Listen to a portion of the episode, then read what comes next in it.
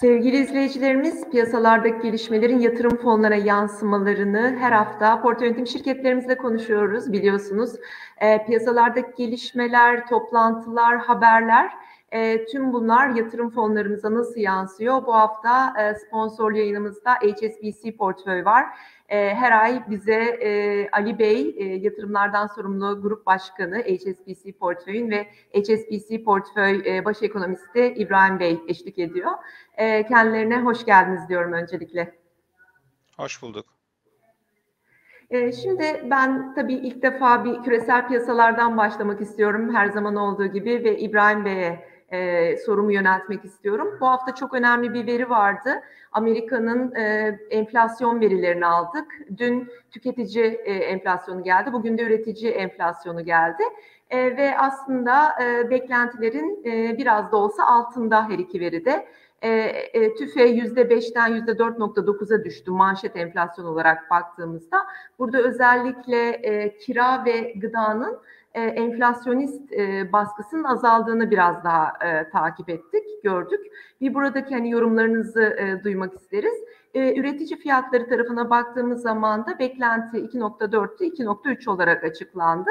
Bu şimdi artık hani Fed'in gerçekten faiz artırımlarını durduracağına dair e, bir işaret olarak algılanabilir mi? İlk sorum bu. İkincisi de İbrahim Bey e, bu e, euro dolar paritesi 1.10'un altına indi bugün 1.09 ama ben merak ediyorum yani e, benim beklentim aslında hani Amerika'nın evet e, durduğu durması e, ve bunun da pozitif etki edecek olması euronun değerine.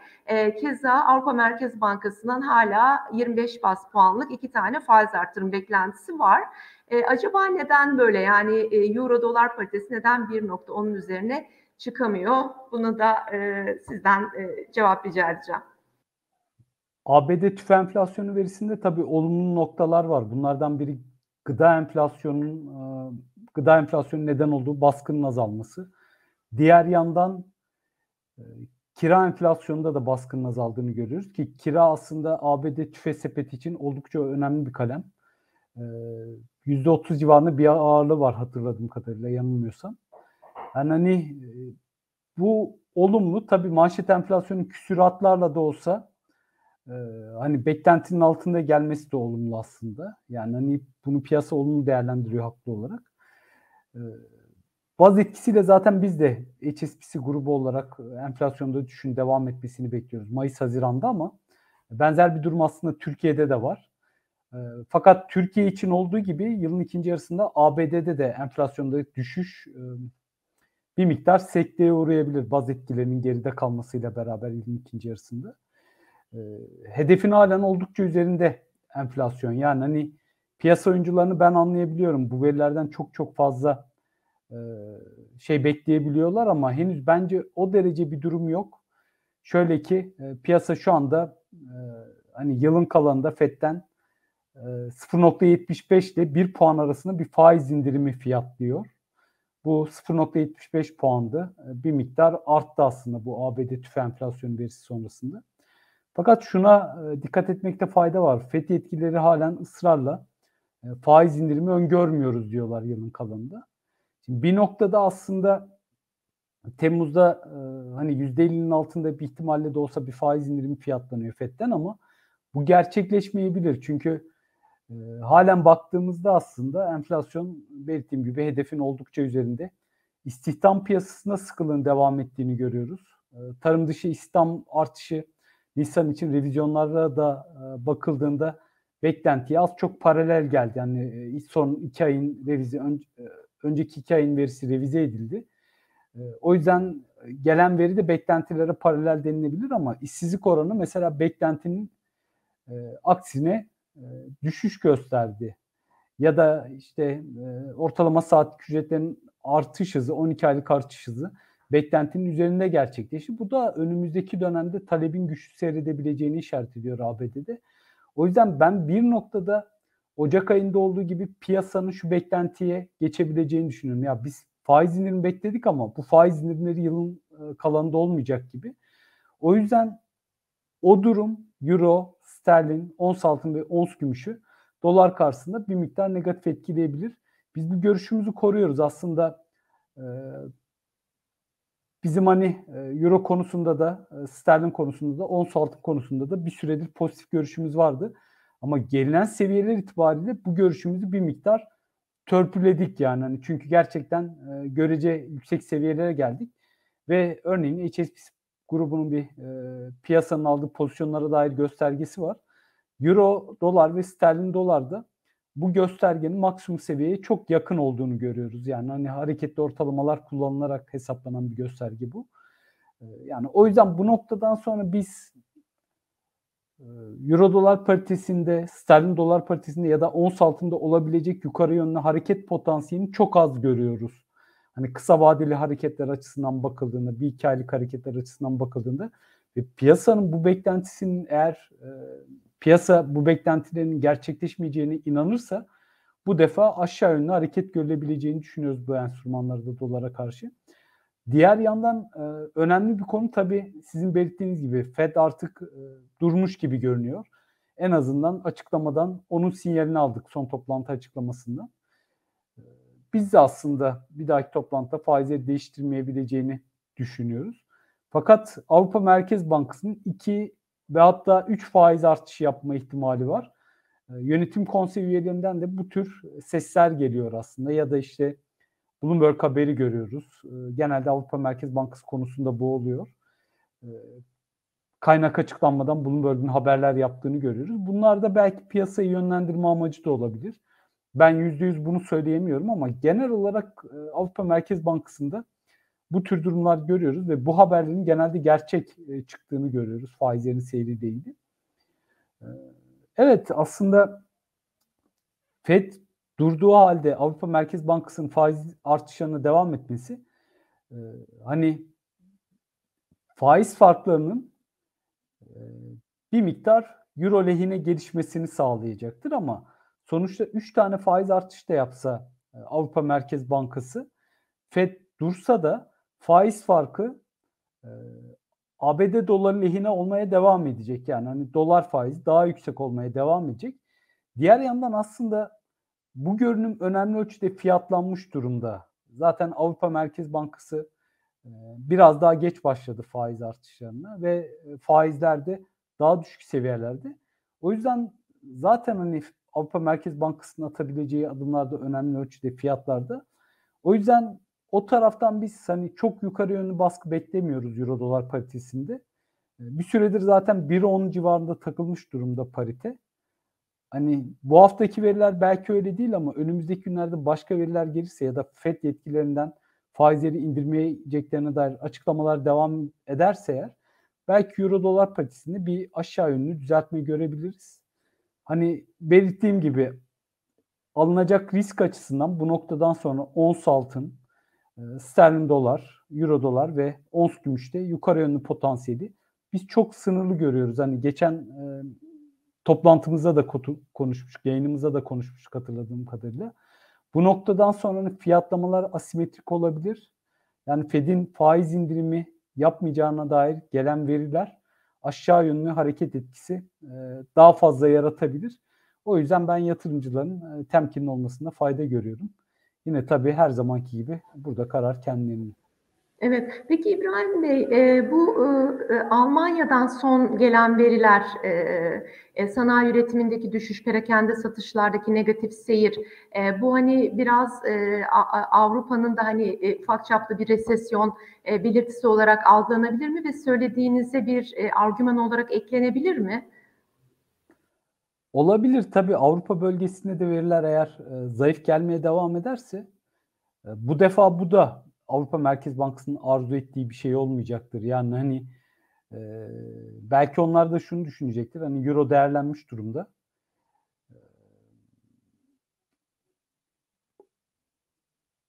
O yüzden hani e, belki e, aktivitede yavaşlama olduğunu düşünebilecekler. E, ve bunun içinde belki hani bu Şahin e, söylemlerini bir miktar hafifletebilirler enflasyon konusunda. O da bir olasılık. O o tarafta da haklısınız. Size katılıyorum. Verileri takip etmemizde fayda görünüyor. Evet. Çok teşekkür ederiz İbrahim Bey küresel taraftaki değerlendirmeniz için. Ben şimdi e, bizim piyasalar e, tarafına gelmek istiyorum. Oldukça seçim öncesinde hareketli e, günler yaşıyoruz. Ben Ali Bey'e buradan son bir haftalık süre içerisinde özellikle Borsa İstanbul'da çok hızlı yükselişler gördük. Bugün de 11 Mayıs Perşembe günü biz bu videoyu çekiyoruz ve BIST 100 endeksinde yaklaşık e, %8 civarında bir artış var. E, bu son bir haftalık sürede varlık fiyatlarındaki bu değişimleri değerlendirebilir misiniz? Ee, öncelikle hisse senetlerinden başlayalım dediğiniz gibi. Ee, aslında uzunca bir süredir hisse senetlerinde yatay ya da negatif bir seyir görüyorduk.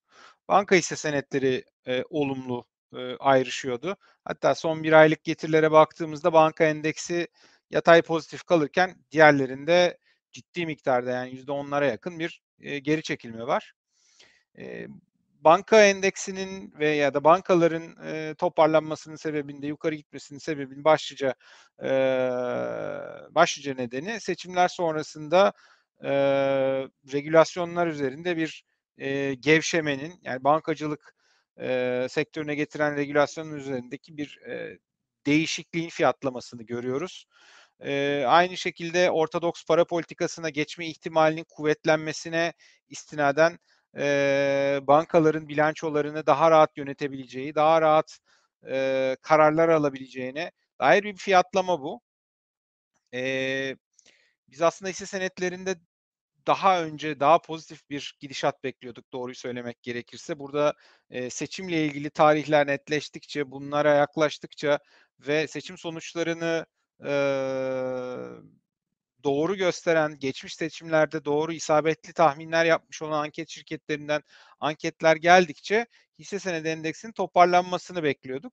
Ancak bu bizim beklediğimizden biraz daha uzun sürdü. Ee, burada en önemli katkının ya da e, ilginin yabancılar tarafından gelebileceğini düşünüyorduk. Yabancılar gerçekten çok fazla ilgi gösterdiler ancak bunu bir alıma pozisyona çevirmediler. E, ve e, muhtemelen son birkaç gündür de ya da son bir hafta diyeyim e, daha aktif hale geldiler. Bugünkü hareketin e, temelinde de e, bu bu e, gelişmeler etkili oluyor. E, seçim sonrasındaki ekonomi politikalarının e, basitleşmesinde, sadeleşmesinde, anlaşılabilir olmasında bir e, fiyatlaması yapılıyor.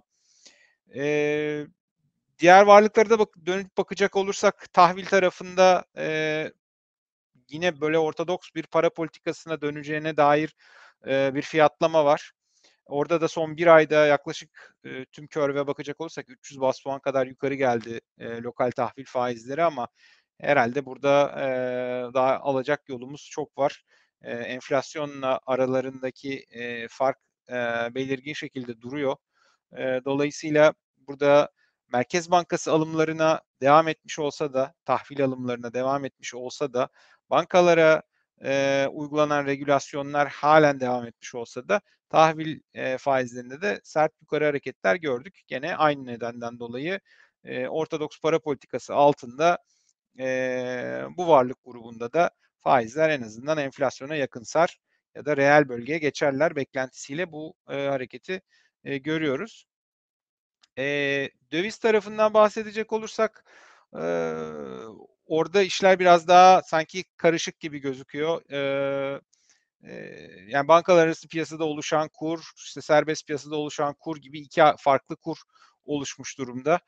E, burada da e, seçimler sonrasında e, her şekilde bu iki piyasa arasındaki farkın kapanacağına dair bir beklenti var. Dolayısıyla e, bankalar arası piyasada düşük kalan e, kurla hesaplanan enstrümanlara, varlıklara dönük e, çok net bir e, talep olduğunu görüyoruz. E, Merkez Bankası buradaki regülasyonlarını seçimler sonrasında gevşetirse eğer bu iki piyasa arasındaki farklar da kapanacaktır. Biraz önce altından bahsettik. Yurt içindeki altın fiyatları da bu anomaliden etkilenmiş durumdalar. Belki ondan da mutlaka bahsetmek lazım. Yani global anlamda altın 2020 dolarlar civarında işlem görürken yurt içindeki piyasalarda altının ons bazında dolar cinsi fiyatı 2100'ün üstüne çıktığını gördük önümüzde geçtiğimiz dönemlerde. Önümüzdeki günlerde bu farkın da kapanmasını beklemek lazım ya da altına dayalı diğer enstrümanlarda da e, bankalar arası kura göre ya da Merkez Bankası kuruna göre çok net farklar olduğunu görüyoruz. Dolayısıyla bunların da kapanmasını beklemek lazım. E, burası da süreklilik arz edecek bir durum olmayacaktır. Yine regülasyonların gevşetilmesiyle alakalı bir durum. Son olarak belki Eurobondlardan bahsedeyim. Eurobondlarda da e, bugün özelinde e, çok pozitif bir hareket görüyoruz. CDS'in işte uzun zamandan sonra 500'ün altına indiğini görüyoruz. E, bu hareket de bir süredir devam ediyor. E, yabancıların ilgisi devam ediyor. Türkiye yılbaşından bu yana yaklaşık 10 milyar dolar civarında ihraçlar gerçekleştirdi. Birkaç ihraç gerçekleştirdi. Burada yabancılar önemli miktarda alıcı oldular. Ancak e, geçmişten gelen pozisyonlarına ya da geçmişteki taşıdıkları pozisyonlara hala ulaşabilmiş değiller. Dolayısıyla e, yine ortodoks para politikasına dönüleceği beklentisiyle e, Eurobond'da da ciddi talep e, gösteriyor. E, Eurobond körünün uzun tarafına yine talep yabancılardan geliyor. Onların aktif olduğu taraf. E, kısa tarafta ise çok uzun zamandan sonra ilk defa faizlerin yükseldiğini gördük. Burada da yine e, yurt içindeki regülasyonlarla bir takım e, dengesizliklerle diyeyim e, kısa Eurobond talebi e, yok oldu e, son zamanlarda. E, ancak uzun tarafın olumlu seyretmesi kısa tarafı da olumlu etkileyecektir önümüzdeki dönemde de. Yani e, CDS'ler gerilerken e, uzun Eurobondlara alım gelirken kısa Eurobondlara da mutlaka alım gelecektir. Tabii ki durasyon nedeniyle uzun Eurobondlardan kazanılacak ya da kazanma ihtimali daha yüksek olacak. O ayrı bir konu. Ancak faiz bazında e, kısa Eurobondlarda bir gerileme e, olacaktır diye e, bekliyoruz. Evet. E şimdi tabii e, önümüzde seçim var artık birkaç gün kaldı ve büyük bir belirsizlik yaşadık. Bundan sonrasında da aslında e, bu belirsizliği belki yaşamaya devam ediyor olabiliriz. Sizin izleyicilerimize e, biz hep programlarımızda konuşuyoruz. E, bir varlık dağılımı e, veriyorsunuz. Özellikle de diyoruz ki hep çeşitlendirme yapın, temkinli gidin, tek bir varlık sınıfına paranızı yatırmayın diye hep de vurguluyorsunuz. E, bu varlık dağılımı nasıl olabilir e, orta vadede düşünecek olursak ve hangi fonları önerirsiniz? Ee, biz aslında varlık dağılımı yaparken çok uzun süredir hisse senedini ve dövizi ön plana koyuyorduk. Ee, yurt dışı varlıkları diyelim. Ee, ön plana koyuyorduk. Bu tercihimizi değiştirmiyoruz. Yani bu iki varlığın ağırlığını hala e, yüksek tutuyoruz. Ee, yani hisse senedini tercih etmemizin temel sebebi e, tekrar yabancı yatırımcıların e, Türkiye'ye yatırım yapmaya başlayarak e, FK'ları yukarı çekme ihtimaline dönük bir beklenti. E, dövizde ise e, ve yurt dışı varlıklarda ise e, bu biraz önce bahsettiğim anomalinin e, kalkmasından sonra belli bir e, dengeye ulaşmasını e, öngörüyoruz. Yurt dışı varlık kısmını destekleyecek şey ise aslında e, Fed'in faiz arttırımlarının sona ermiş olması ECB'nin de yavaş yavaş bunun sonuna geliyor olması aslında risk iştahını destekler unsurlar. Yani daha fazla sıkılaşmadan artık bahsetmiyoruz.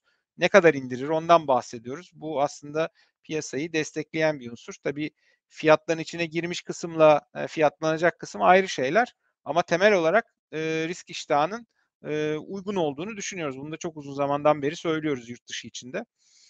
dolayısıyla bu varlıkları da ön plana çıkarıyoruz. E, bunlara nasıl yatırım e, yapmak gerekir? Hangi fonlar üzerinden yatırım yapmak gerekir? E, varlık dağılımı yapmadan hisse senedine yatırım yapmak isteyen müşteriler için, e, yatırımcılar için e, HVS fonunu ön plana çıkarıyoruz. Bu %100 e, hisse senedine yatırım yapan bir fonumuz. Eğer nitelikli yatırımcıysa yatırımcılar HKR fonunu öneriyoruz. E, bu da %100 hisse senedi yatırım yapıyor ancak serbest fon olması itibariyle sadece nitelikli yatırımcılar tarafından alınabiliyor ve e, daha konsantre bir yatırım yapıyor. E, eğer hisse senedi riskini bir parça e, dağıtmak isteyen bir, bir kısmını da e, faiz içeren varlıklara e, yatırmak isteyen e, yatırımcılar varsa HSA fonumuzu öneriyoruz. Burada da ortalama hisse senedi oranı %50'ler civarında. HSA'yı biz sürekli zamansız bir fon olarak e, sunuyoruz. Yani e, bu dönemi de düşünürsek aslında e, ciddi miktarda e, ucuzlayan, e, ileriye doğru yatırım yapılmasını e, uygun gördüğümüz, beğendiğimiz hisse senetlerini koyduğumuz bir fon. E, ayrıca geri kalan faiz kısmıyla da getirisini dengeleyici, volatiliteyi azaltıcı bir özelliği var. Yurt dışı varlıklara yatırım yapmak isteyen e, yatırımcılar için ise HOY fonunu önerebiliriz. HOY fonu da %50 ise %50 sabit getirili varlıklardan oluşan bir fon ama tamamı yurt dışı. Yani içerisindeki e, varlıklar e, tamamen e, coğrafi olarak da dağıtılmış şekilde, e, varlık dağılımı yapılmış şekilde e, yatırmaya yönlendirilmiş bir fon. E, yurt dışını tercih eden müşteriler için, yatırımcılar için HOY'u tavsiye ediyoruz. Bu dağılımların hiçbirini e, ben yapmak istemiyorum. E, bizim yerimize siz yapın dediğiniz fonlar da mevcut tabii ki. E, burada HPD e, ve HBN fonlarımızda e, çoklu varlık fonları olarak ön plana çıkan fonlarımız. Evet. Ee, çok çok teşekkür ediyoruz ee, verdiğiniz bilgiler için ee, Ali Bey, İbrahim Bey her zamanki her ayki katkılarınız için çok sağ olun. Biz teşekkür ediyoruz. Biz teşekkür ederiz. Sevgili izleyicilerimiz, e, hepinize güzel bir seçim diliyoruz. Önümüzdeki hafta görüşmek üzere sağlıklı günlerde. Hoşçakalın.